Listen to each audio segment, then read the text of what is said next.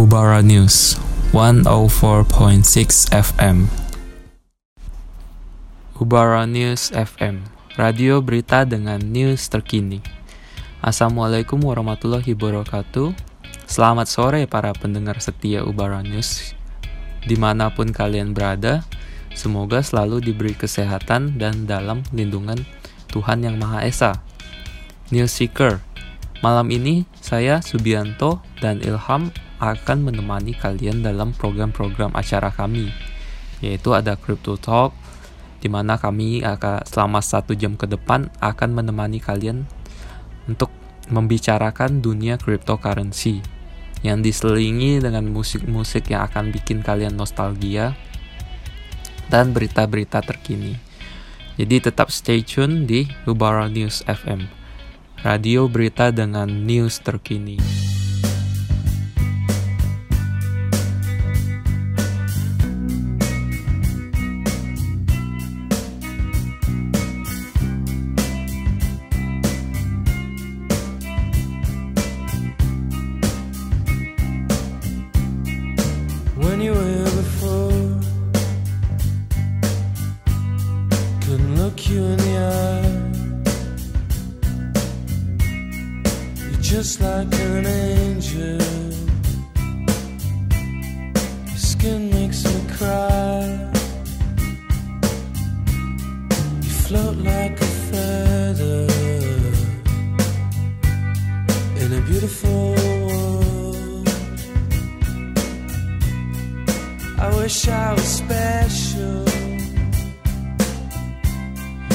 So fucking special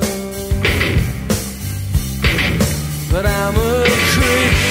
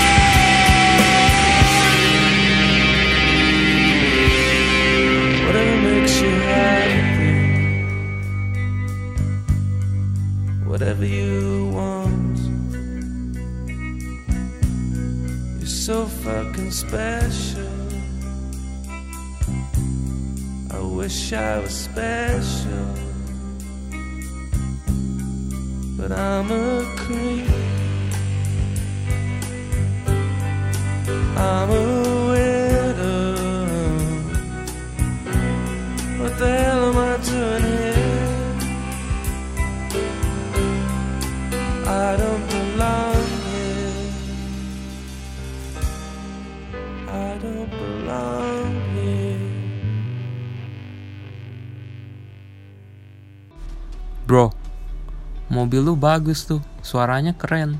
Tapi... Yo, bro, Toyota Supra. GDM nih bro. Iya, keren sih bro, tapi Tapi apa bro? tapi sayang pencemaran polusi udaranya sangat tinggi bro. Sedangkan di Indonesia ini sudah banyak pabrik, sudah banyak kendaraan, ditambah lagi mobil dengan emisi pembuangan emisi yang tinggi. Jadi ya makin parah pencemaran polusinya bro. Ya mau gimana lagi bro? Menurut menurut lo gimana bro caranya untuk mengurangi polusi udara? Menurut gua yaitu solusinya adalah gunakan mobil listrik dapat mengurangi pencemaran polusi udara.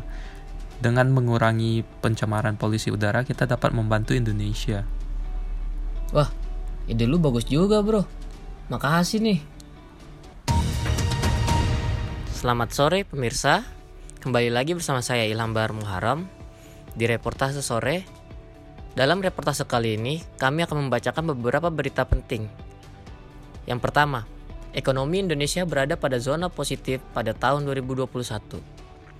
Ketua Komisi 11 DPR RI, Dito Ganindito, meyakini akselerasi pemulihan ekonomi domestik pada triwulan keempat 2021 akan terus berlangsung secara bertahap.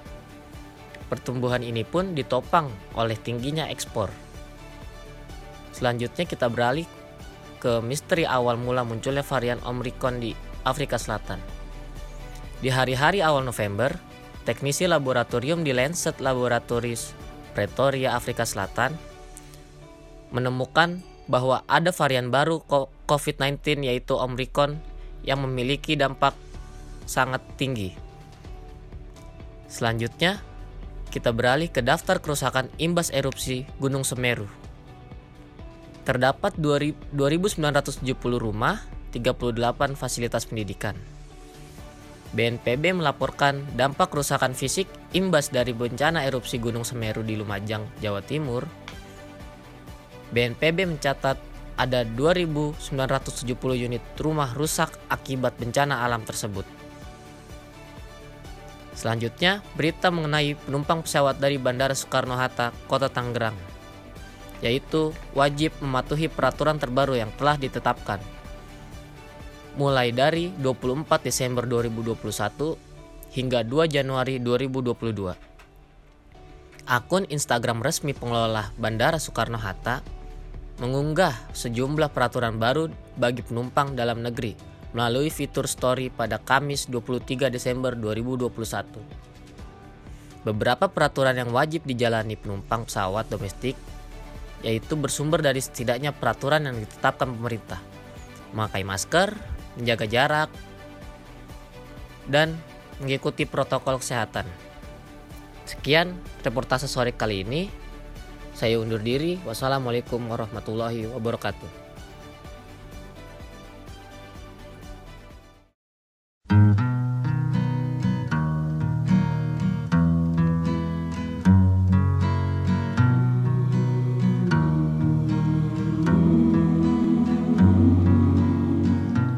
There's a place where lovers go to cry their troubles away, and they call it Lonesome Town, where the broken heart stays. You can buy a dream or two to last you all through the years. And the only price you pay is a heart full of tears. Going down to Lonesome Town, where the broken heart stays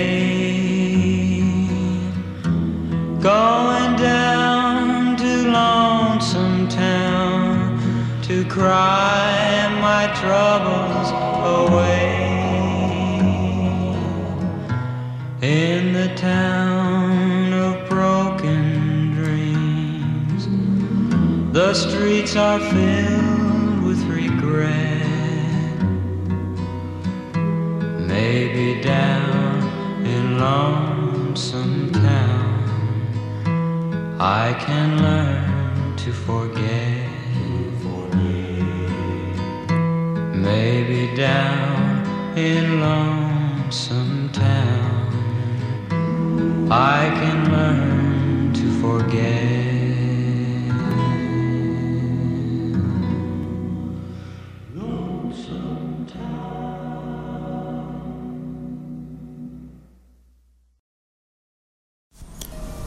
Ubara News 104.6 FM. Selamat datang di program Crypto Talk. Bersama saya Subianto Abdullah, kali ini saya akan menemani kalian untuk membicarakan tentang cryptocurrency. Semenjak pandemi virus COVID-19 yang tak kunjung usai ini, membuat banyak perubahan yang dapat kita rasakan secara nyata, terutama dalam hal yang menyangkut dunia investasi banyak investor-investor dan trader-trader yang baru berkecimpung di dunia investasi ini sejak awal 2021. Salah satu jenis investasi dan trading yang ditekuni oleh banyak orang adalah cryptocurrency, di mana ini merupakan sebuah mata uang digital yang berupa koin-koin. Nah, koin-koin tersebut itu uh, mulai sekarang sudah dapat membeli barang-barang secara nyata seperti membeli mobil Tesla yang dapat digunakan yaitu cryptocurrency berupa Bitcoin. Walau belum semua negara dan belum semua Bitcoin dapat digunakan untuk membeli barang, namun sedikit demi sedikit sudah mulai banyak negara dan barang yang dapat dibeli menggunakan mata uang kripto. Jikalau kita telaah tentang salah satu mata uang kripto yaitu Bitcoin yang rilis pada tahun 2009, dengan harga rilis pertama yaitu sebesar 50 rupiah. Mungkin sebagian orang akan kaget kalau mendengar harga Bitcoin sekarang. Yaitu harga Bitcoin yang tercatat sampai hari ini adalah per koin senilai 702 juta rupiah dengan pernah mencapai harga tertinggi yaitu 900 juta rupiah pada bulan Agustus lalu. Maka dari itu, kripto adalah ajang untuk berinvestasi dan untuk trading bagi sebagian orang. Namun Anda harus tahu bahwa kripto adalah jenis investasi yang bersifat high risk dan high gain, di mana uh, uang yang kita gunakan harus dipastikan adalah uang yang digunakan untuk investasi ataupun trading atau biasa kita sebut dengan uang dingin. Karena jikalau kita menggunakan uang yang seharusnya kita gunakan untuk hal lain, terus kita gunakan untuk e, berinvestasi, maka dampaknya juga harus kita tanggung sendiri.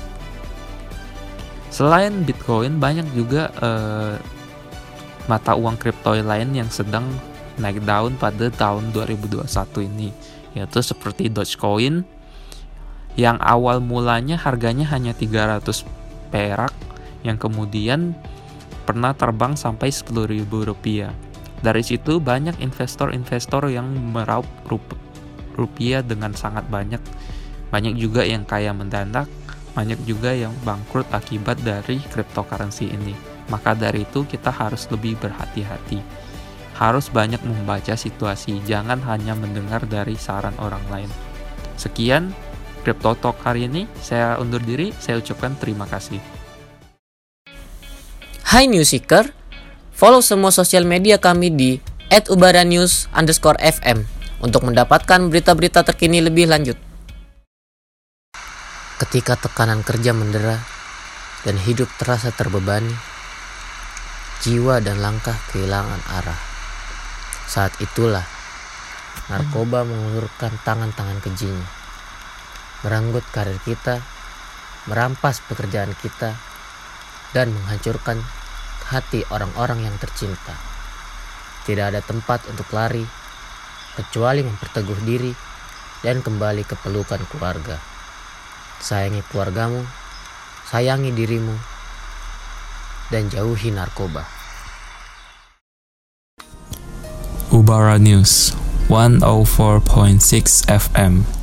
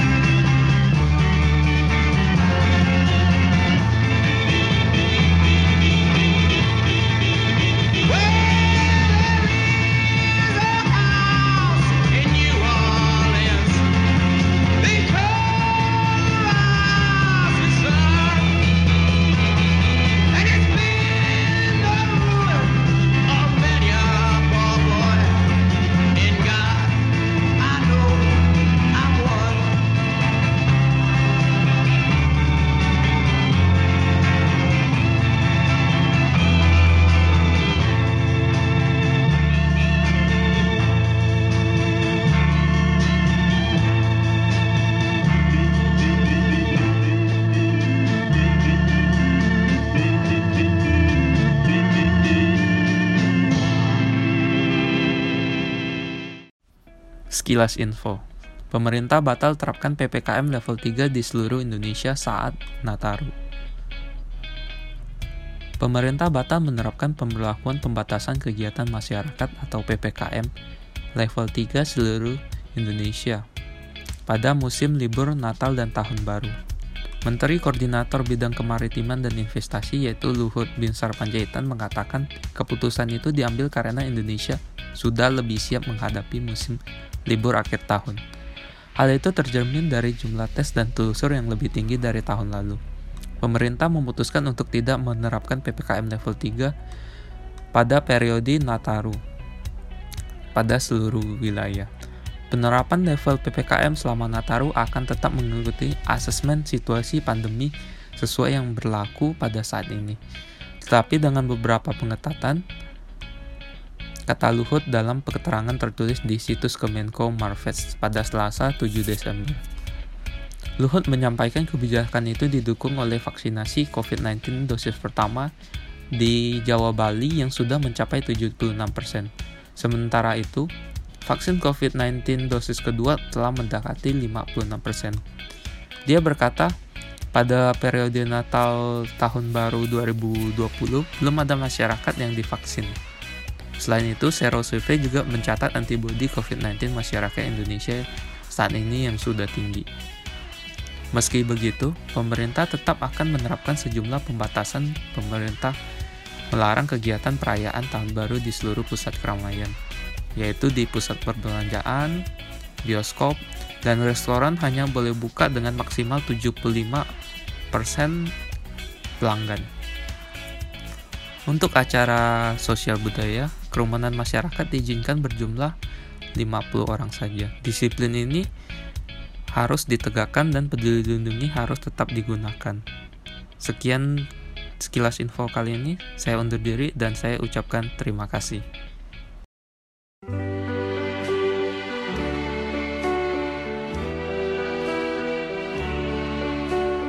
Why does the sun keep on shining?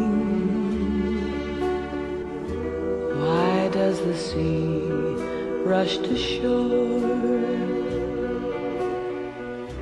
Don't they know it's the end of the world? Cause you don't love me anymore.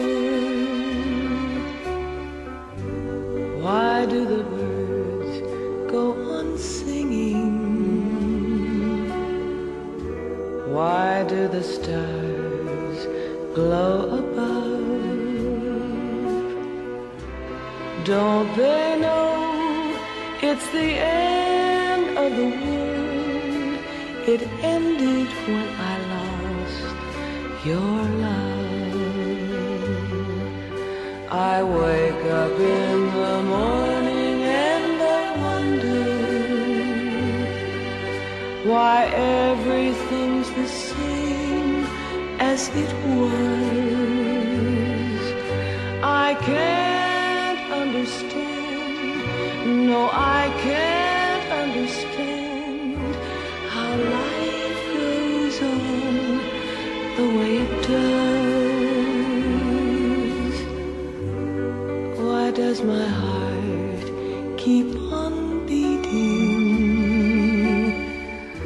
Why do these eyes of mine Don't they know it's the end of the world? It ended when you said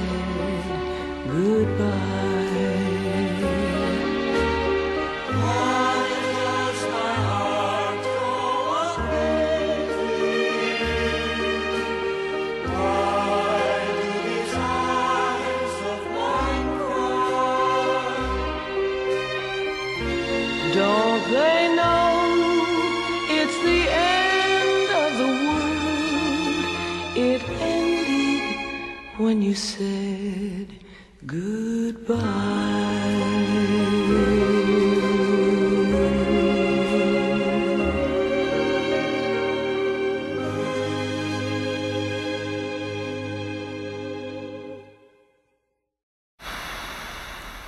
Mungkin menurut remaja, merokok itu terlihat gaul.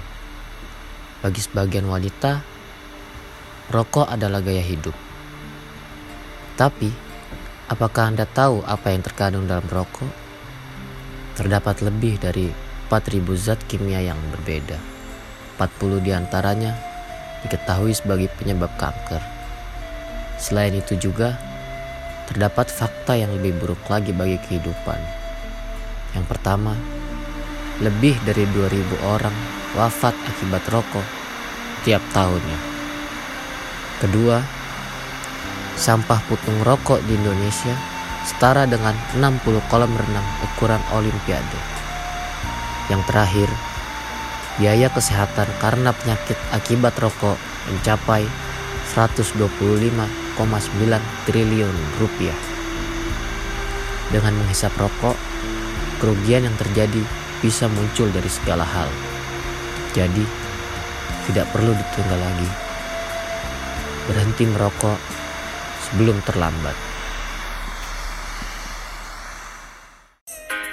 Bosan sering di rumah ketika pandemi? Netflix solusinya.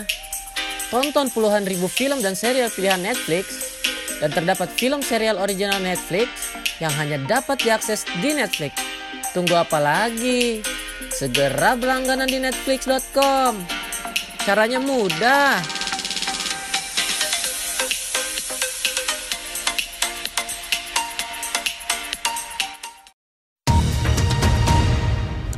Selamat sore, selamat datang di berita terkini.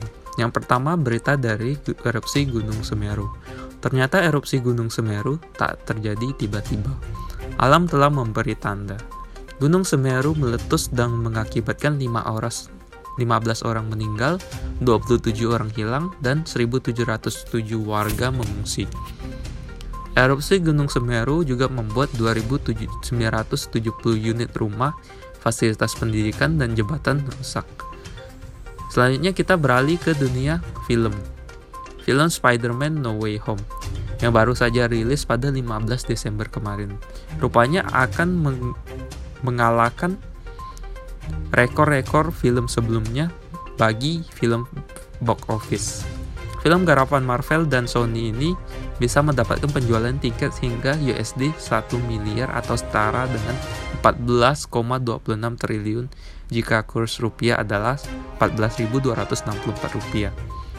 Capaian itu bisa diraih setelah film serial itu telah mencatatkan penjualan tiket sebanyak USD 751,3 juta dalam kurun waktu kurang dari seminggu.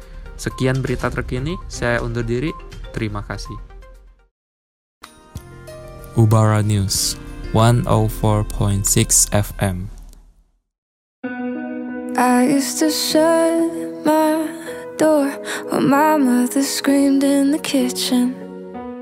I turned the music up, get high and try not to listen to every little fight.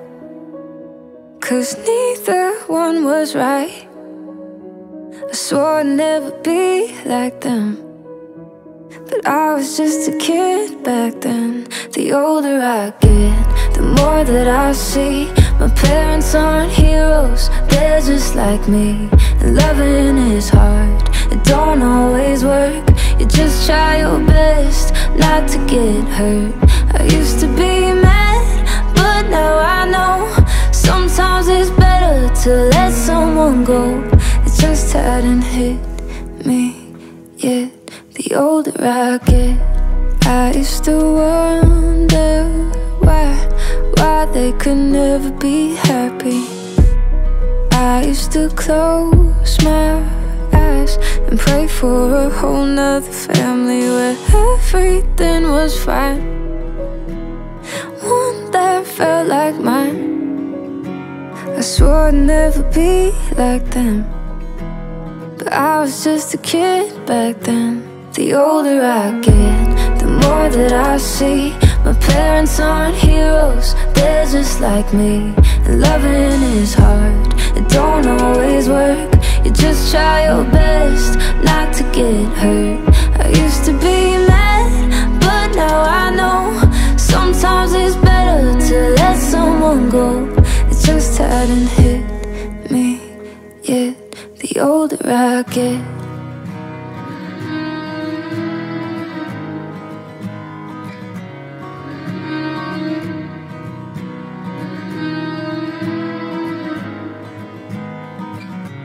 The older I get, the more that I see My parents aren't heroes, they're just like me And loving is hard, it don't always work You just try your best not to get hurt. I used to be mad, but now I know Sometimes it's better to let someone go. It just hadn't hit me yet. The older I get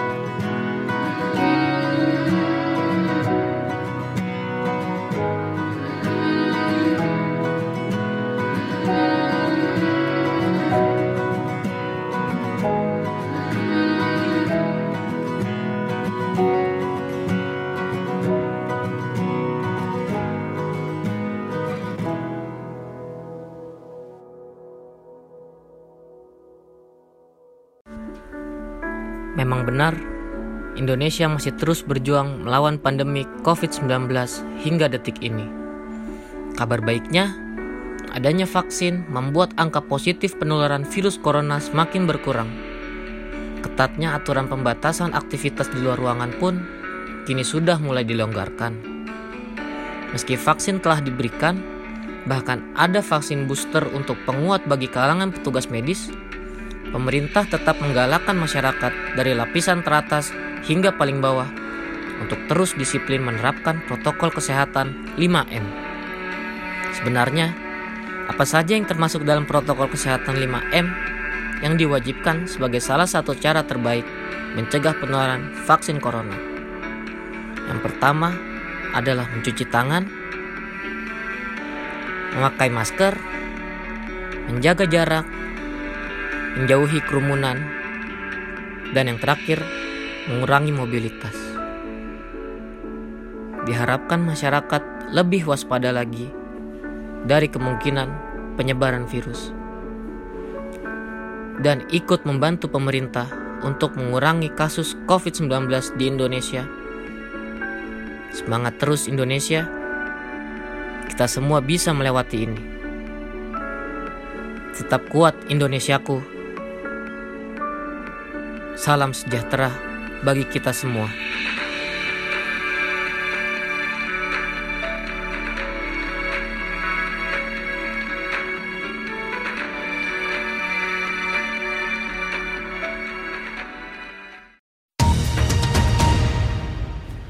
Selamat sore, kembali lagi di Sekilas Info. Pilu, nasib seorang ibu diperkosa oleh empat orang pria di depan anaknya, dan anaknya tewas dibanting oleh pelaku.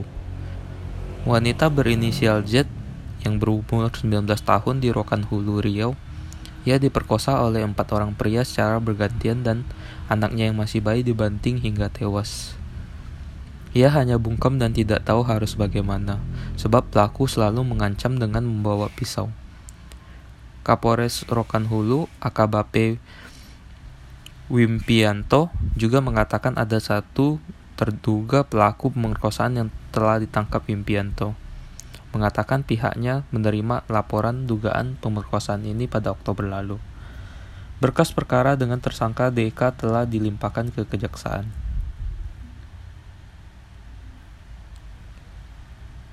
Berita selanjutnya, Panglima Andika minta tiga orang TNI penabrak Handi dan Salsa dipecat.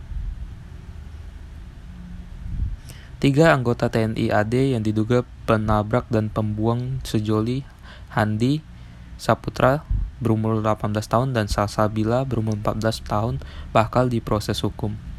Panglima TNI Jenderal Andika Perkasa juga meminta ketiganya diberikan hukuman tambahan pemecatan dari dinas militer.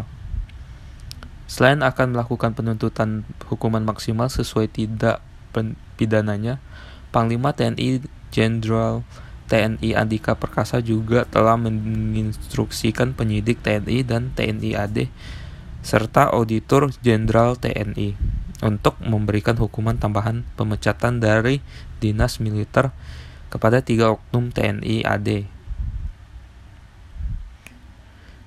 Perantara menyebut tiga anggota TNI AD itu kini tengah menjalani proses hukum. Pertama, Kolonel Infanteri P, anggota Korem Gorontalo, Kodam Merdeka. Ia didatangi polisi militer Kodam Merdeka Manado. Kemudian Kopral 2 DA, anggota Kodim Gunung Kidul, Kodam Diponegoro, dan Kopral 2 Amat, anggota Kodim Demak. Kodam Diponegoro ditangani polisi militer Kodam Diponegoro Semarang. Perantara mengatakan ketiga anggota TNI ini melanggar pasal 310 dan 312 Undang-Undang Nomor 22 Tahun 2009 tentang lalu lintas dan angkutan jalan raya. Kemudian pasal 181, pasal 359, pasal 338 dan pasal 340 KUHP dengan ancaman pidana penjara maksimal seumur hidup. Sekian sekilas info, saya undur diri, saya ucapkan terima kasih. Hai Seeker, follow semua sosial media kami di @ubaranews_fm untuk mendapatkan berita-berita terkini lebih lanjut.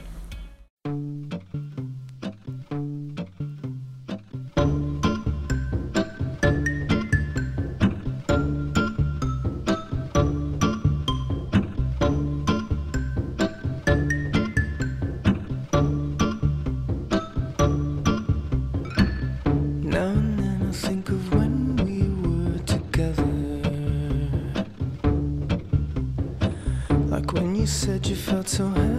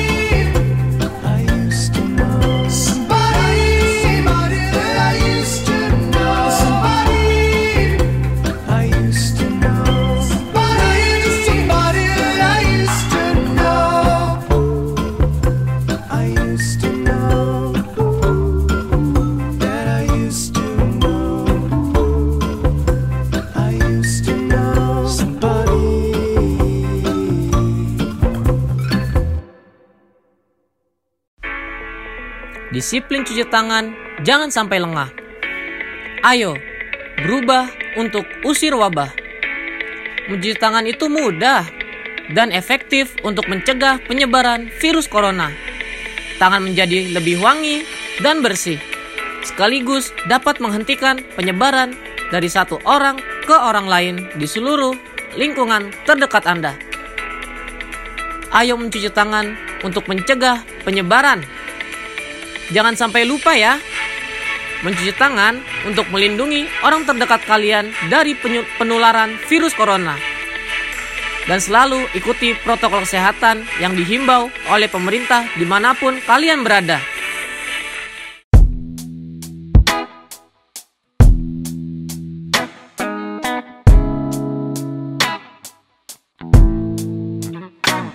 Maybe I came on too strong. Maybe I waited too long. Maybe I played my cards wrong. Oh, just a little bit wrong. Oh, baby, I apologize for it. I could fall or I could fly here in your aeroplane, and I could live. I could die hanging on the words you say, and I've been known to give my all and jumping in harder than 10,000 rocks on the lake. So don't call me baby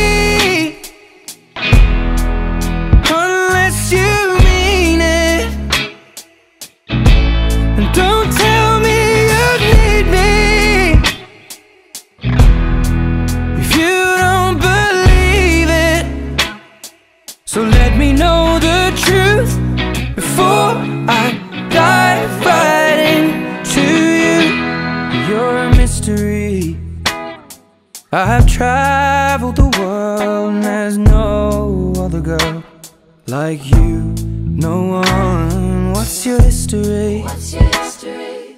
Do you have a tendency to lead some people on? Cause I heard you do.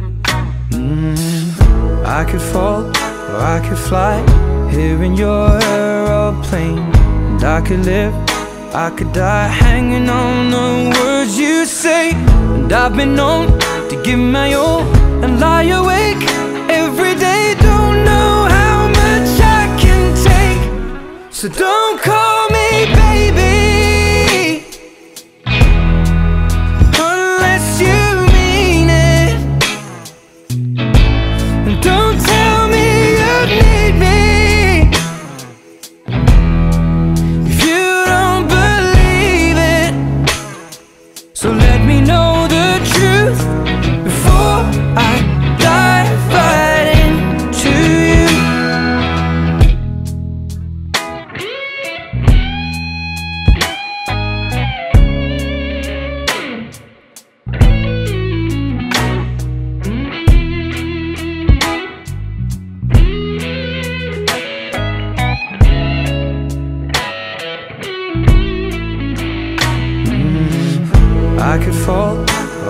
Fly here in your aeroplane. And I could live, I could die hanging on the words you say. And I've been known to give my all sitting back, looking at every mess that I've made. So don't call me baby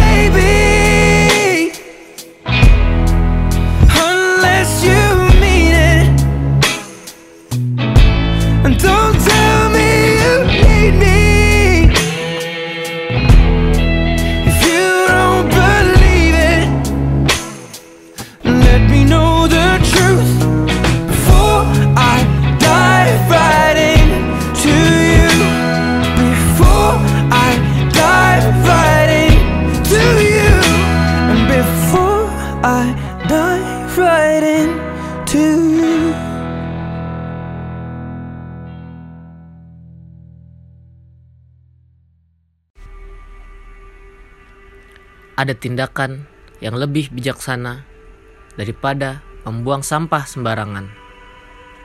Kita dapat memanfaatkan kembali botol bekas air mineral ini untuk dijadikan vas bunga. tempat pensil, bahkan celengan. Kita harus mulai peduli tentang dampak yang ditimbulkan dari membuang sampah sembarangan. Semua dapat dilakukan dari hal yang kecil. Reuse, reduce, recycle. Bila masih sulit untuk melakukan hal ini, mari kita awali dengan membuang sampah pada tepatnya. Mari kita jaga lingkungan ini menjadi lebih bersih dan selalu untuk menjaga lingkungan kita sebagaimana mestinya.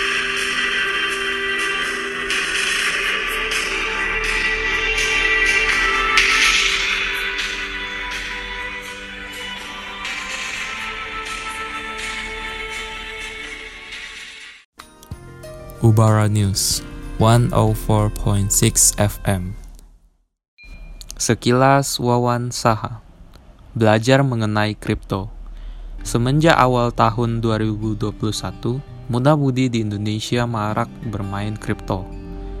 Bahkan terlihat sangat menjanjikan bahwa kripto sebagai penghasil profit yang besar. Lalu, apakah kenyataannya seperti apa yang kita bayangkan? Setelah ini kita akan membicarakan mengenai kripto. Baik, selamat sore pemirsa. Saat ini bersama saya Ilham Bahar Muharam dan dalam 5 menit ke depan kita akan menemani Anda dengan program Wawancara, wawancara mengenai usaha untuk mendiskusikan topik terkait saham yang kali ini saya tidak sendiri. Saya turut mengundang salah satu mitra saya dalam pembicaraan seputar saham. Dan saat ini kita sudah terhubung dengan Bapak Subianto Abdullah selaku penggiat saham kripto. Halo Pak Subianto. Uh, iya, halo Bapak Ilham. Uh, Pak Subianto, apakah betul saat ini Bapak sedang menggiati cryptocurrency? Kebetulan betul sekali Pak. Saat ini saya sedang lagi mempelajari tentang seluk-beluk cryptocurrency. Uh, baik Pak, uh, yang mau saya tanyakan sebenarnya apa itu kripto Pak? Bagaimana uh, lalu bagaimana cara kerjanya? Jadi begini Pak Ilham, sebenarnya kripto adalah sebuah mata uang digital yang dapat digunakan untuk pembayaran atau alat tukar. Namun belum semua mata uang kripto dapat melakukan hal tersebut dan hanya perusahaan tertentu yang menerima pembayaran berupa kripto. Selain itu, kripto juga dapat digunakan sebagai ajang investasi jangka panjang karena berdasarkan salah satu contoh mata uang kripto yaitu Bitcoin. Bitcoin pertama dirilis pada tahun 2010 dengan harga 50 ribu, 50 rupiah per koin Jikalau mendengar harga sekarang, Anda akan sangat kaget karena harga per koin Bitcoin, Bitcoin sekarang adalah menyentuh 702 juta rupiah. Sedangkan untuk harga tertingginya pernah mencapai di atas 900 juta rupiah. Oh wow, sangat pesat sekali peningkatannya ya Bapak. Um, lalu apakah Bapak saat ini sudah mendapatkan profit dari cryptocurrency ini? Jikalau kita ngomong masalah profit, untuk profitnya saya belum take profit karena yang saya incar dalam dunia kripto ini adalah jangka panjangnya yaitu untuk 5 sampai 10 tahun ke depan. Jadi bisa dibilang saya adalah termasuk ke tipe investor, bukan masuk ke tipe trader. Ah, oke oke oke. Selamat selama ini Anda apakah dengan bermain cryptocurrency terbukti menjanjikan untuk sebuah invest, in, investasi. Kalau bicara tentang menjanjikan, uh, cryptocurrency ini tidak bisa dibilang menjanjikan juga karena crypto adalah uh, investasi atau trading yang bersifat high risk dan high gain. Anda bisa kaya mendadak ataupun ayah Anda bisa miskin mendadak. Maka bijaklah dalam melakukan trading atau investasi Pastikan uang yang Anda gunakan adalah uang dingin atau uang yang tidak terpakai. Hmm, oke oke oke. Jadi uh, lebih baik saran Bapak Subianto ya selaku penggiat cryptocurrency untuk menggunakan uang yang dipakai untuk berinvestasi dalam cryptocurrency adalah uang yang tidak terlalu penting ya Pak. Uh, baik baik. Uh, pertanyaan selanjutnya adalah uh, saya sering mendengar kabar jika bermain kripto termasuk dalam judi. Ini kabar dari luar luar luar luar luaran saja ya kabar dari kabar dari media atau dari yang lain. Uh, lalu per pertanyaan saya, apakah hal tersebut legal di Indonesia? Bagaimana menurut Bapak? Kalau untuk masalah legalitas uh, untuk saat ini kripto uh, digunakan hanya untuk aset atau investasi yang dilegalkan di Indonesia. Tapi jika untuk digunakan sebagai alat tukar dari peraturan Bank Indonesia sendiri belum mengizinkannya. Jadi bisa dibilang bahwa uh, cryptocurrency ini bukan merupakan judi. Hmm, baik. Uh, kalau begitu uh, saya masih bingung nih Pak. Kenapa sampai bisa begitu gitu. Lalu profit yang kita gunakan sama saja sia-sia dong jika tidak dapat digunakan. Untuk profit uh, kita bisa menukar atau menjual mata uang kripto kita kembali ke USD atau US dollar. Kemudian dari US dollar itu bisa kita tukarkan kembali ke IDR atau Indonesian rupiah. Nah, dari Indonesian rupiah itu itulah uang yang kita hasilkan dari cryptocurrency. Uh, baik, baik, baik, baik. Uh, pertanyaan saya kembali lagi untuk profitnya ya Bapak. Berarti kan kita dengan cara menjual saham kripto kita, cryptocurrency kita ditukarkan sebagai alat tukar uang USD gitu. Lalu mekanismenya seperti apa sih Pak? Jadi gini ya, Misalnya saya punya Bitcoin sebanyak dua koin. Dua koin itu uh, saya jual Bitcoin saya ke dalam bentuk USD. Nah, hasil dari jualan Bitcoin tersebut yang berbentuk USD, USD-nya kemudian saya tukarkan ke rupiah. Nah, dari rupiah itu saya bisa uh, withdraw ke bank saya sendiri. Jadi otomatis masuk ke bank saya. Oh, seperti itu. Cukup rumit juga berarti mekanismenya ya, Bapak. Uh, jadi menurut Bapak bagaimana nih solusinya bagi untuk trader-trader cryptocurrency yang baru mulai menggiati cryptocurrency ini? Menurut saya uh, untuk para pemula lebih baik kita membaca tentang bagaimana uh, apa namanya dasar-dasar tentang cryptocurrency. Apa itu cryptocurrency? Dengan begitu kita tidak sembarangan terjun ke dunia cryptocurrency karena banyak anak muda sekarang yang hanya mendengar oh bahwa itu begitu, bahwa ini bisa menguntungkan terus tidak mementingkan apa yang uh, akibatnya, apa dampak buruknya. Jadi setiap hal positif atau hal baik pasti ada hal pos uh, negatifnya juga. Begitu sih menurut saya. Oh, baik-baik Pak Subianto. Senang sekali bisa berbincang dengan Anda. Terima kasih untuk Bapak Subianto Abdullah atas waktunya dan dengan ini kita telah mengakhiri program wawancara di Ubara News Radio 104.6 FM. Saya Ilham Bahar Muharam. Selamat sore. Saya salam undur diri. Wassalamualaikum warahmatullahi wabarakatuh.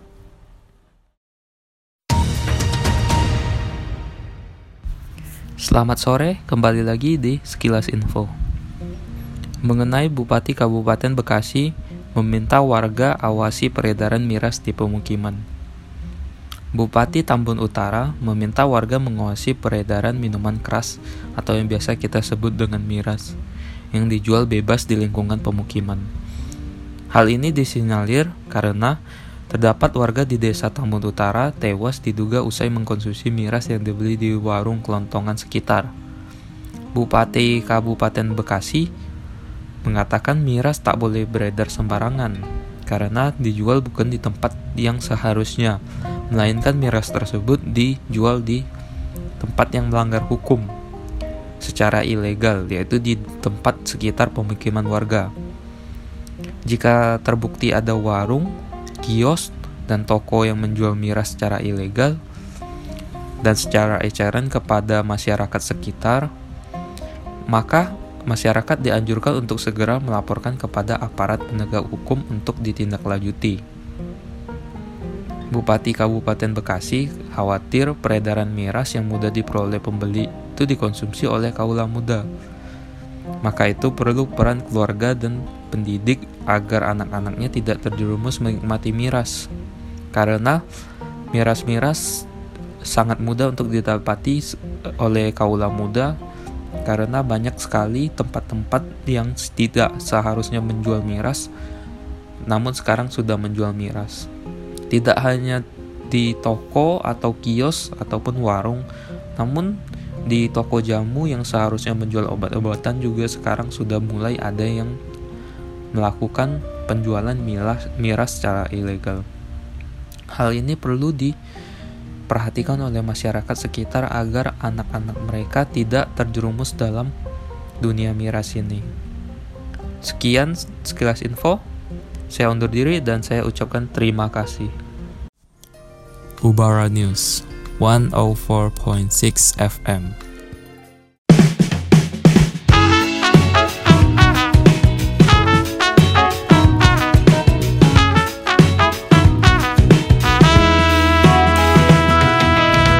Betapa bahagianya hatiku saat ku duduk berdua denganmu. Berjalan bersamamu. Menarilah denganku. Namun bila hari ini adalah yang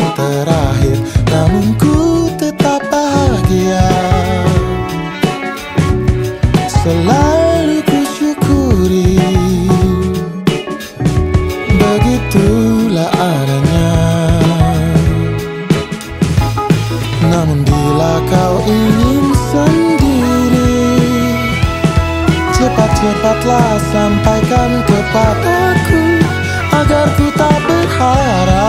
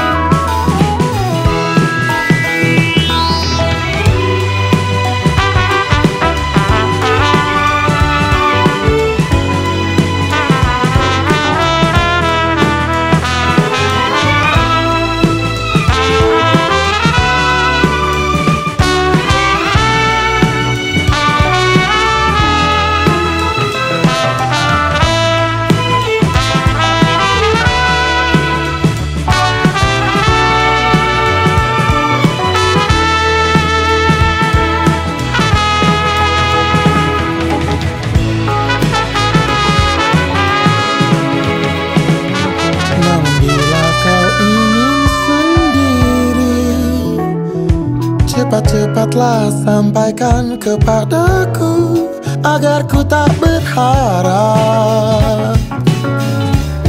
Dan buat kau bersedih Bila nanti saatnya telah tiba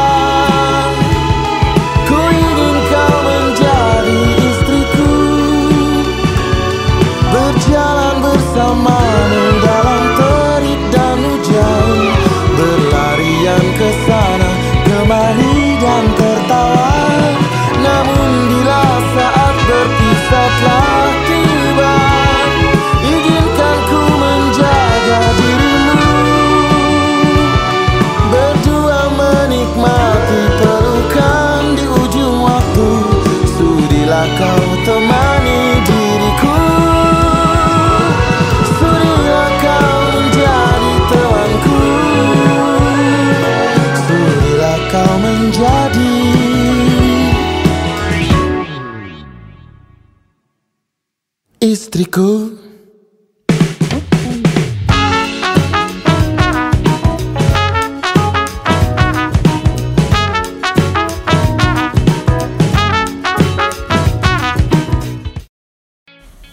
Hai Newseeker, follow semua sosial media kami di @ubaranews_fm untuk mendapatkan berita-berita terkini lebih lanjut.